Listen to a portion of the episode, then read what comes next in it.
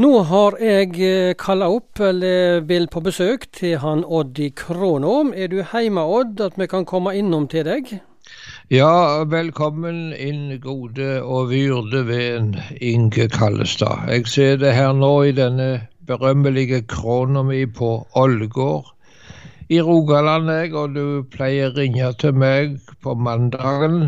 Det har du gjort i lang tid. Og så, så skal vi ha en drøs. Det er altså kunstneren, forkynneren og pensjonisten Odd Dubland på Ålgård i Rogaland vi snakker med på mandagene. Vi har hatt en sommerpause nå på en ca. seks uker, Odd. Så vi har hatt en, en ferieperiode, både jeg og du. Ja, det, det, var ganske greit det der. For du vet, det henger over meg hele tida det at du ringer meg på mandagen. Og da må jeg ha noe å si noe skikkelig å si, og ikke bare noen tomme, selvfølgelige ord. Vi skal innom dagens tema. Og vet du, du fortalte til meg når jeg ringte deg i dag morges, at jeg har en engel som har fulgt meg hele livet. Fortell ja, litt skal, mer om skal, hva det er. Jeg skal, jeg skal snakke litt om det. Jeg har som sagt en engel som har fulgt meg hele livet. Og han kommer på besøk til meg fremdeles rett som det er. Han kan komme hva tid som helst, også om kvelden når jeg har lagt meg. Og det hender at han holder meg vaken av og til. Og jeg kan ikke si at jeg er så veldig glad for at han kommer heller. Jaha, nå lurer jeg på hvor du Ja. vil hen. Ja. ja, i Bibelen så var han òg på besøk hos kongen David, denne engelen. Apostel Paulus kjente godt til han. Og de fleste mennesker har besøk av denne engelen. Og nå har jeg brukt et billedspråk, og navnet hans er Anger, eller å trege. Jaha, altså en Ja. engel, sier du, og navnet er Anger. Ja.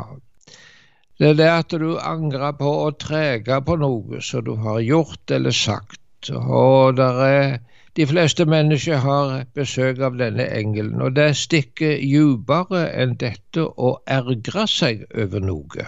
Jaha, Ja, for du kan jo ergre deg over at du var borti en portstolpe med bilen, så den fikk ei lita skramme. De fleste har vært ute for slikt, men anger det er noe mye dypere og alvorligere. Det du gjorde og det du ikke gjorde. Og anger det er ei makt som har en veldig oppdragende kraft over seg. Den justerer vår væremåte. Og jeg har hatt besøk av denne engelen langt tilbake i tiden. Og det som kan være forholdet også med kristne folk, det er det at de kan eh, tenke på ting som de sa og gjorde i sin barndom, ungdom. Var, en var tankeløs, flåkjefta, lettsindig. Og så bårer dette seg fast i minnet. Og eh, miste evnen til å angre, det er farlig, det. Når engelen ikke kommer mer. Eh, Jeg er såpass gammel at jeg minnes 70-åra da marxist-leninismen var på moten blant utallige studenter i Norge. Mange dyrka Mao i Kina. Noen så stort på Stalin. Og de forsvarte også Pol Pot i Kambodsja.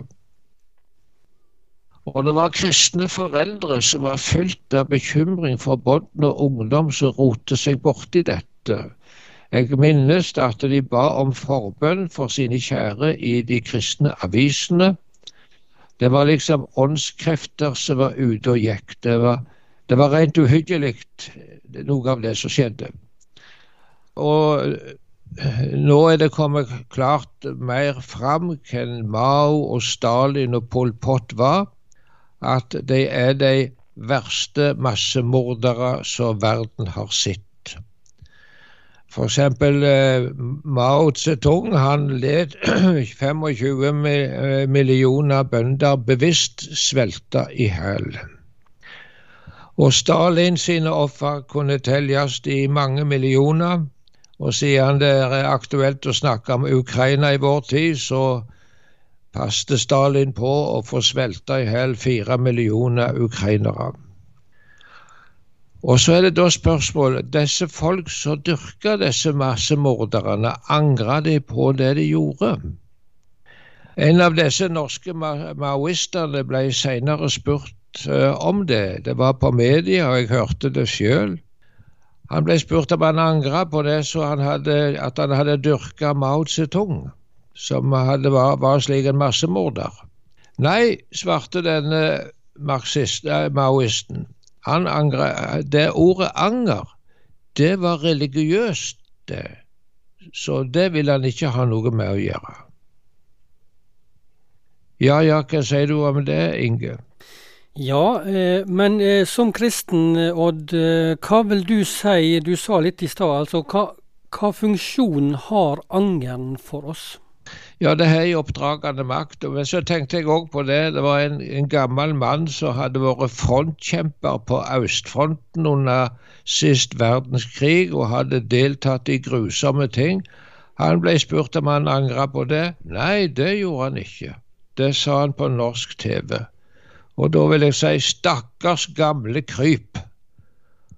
Og sel er den som kjenner til angeren over det som ikke har vært godt i livet. For jeg vet en plass jeg kan gå med det.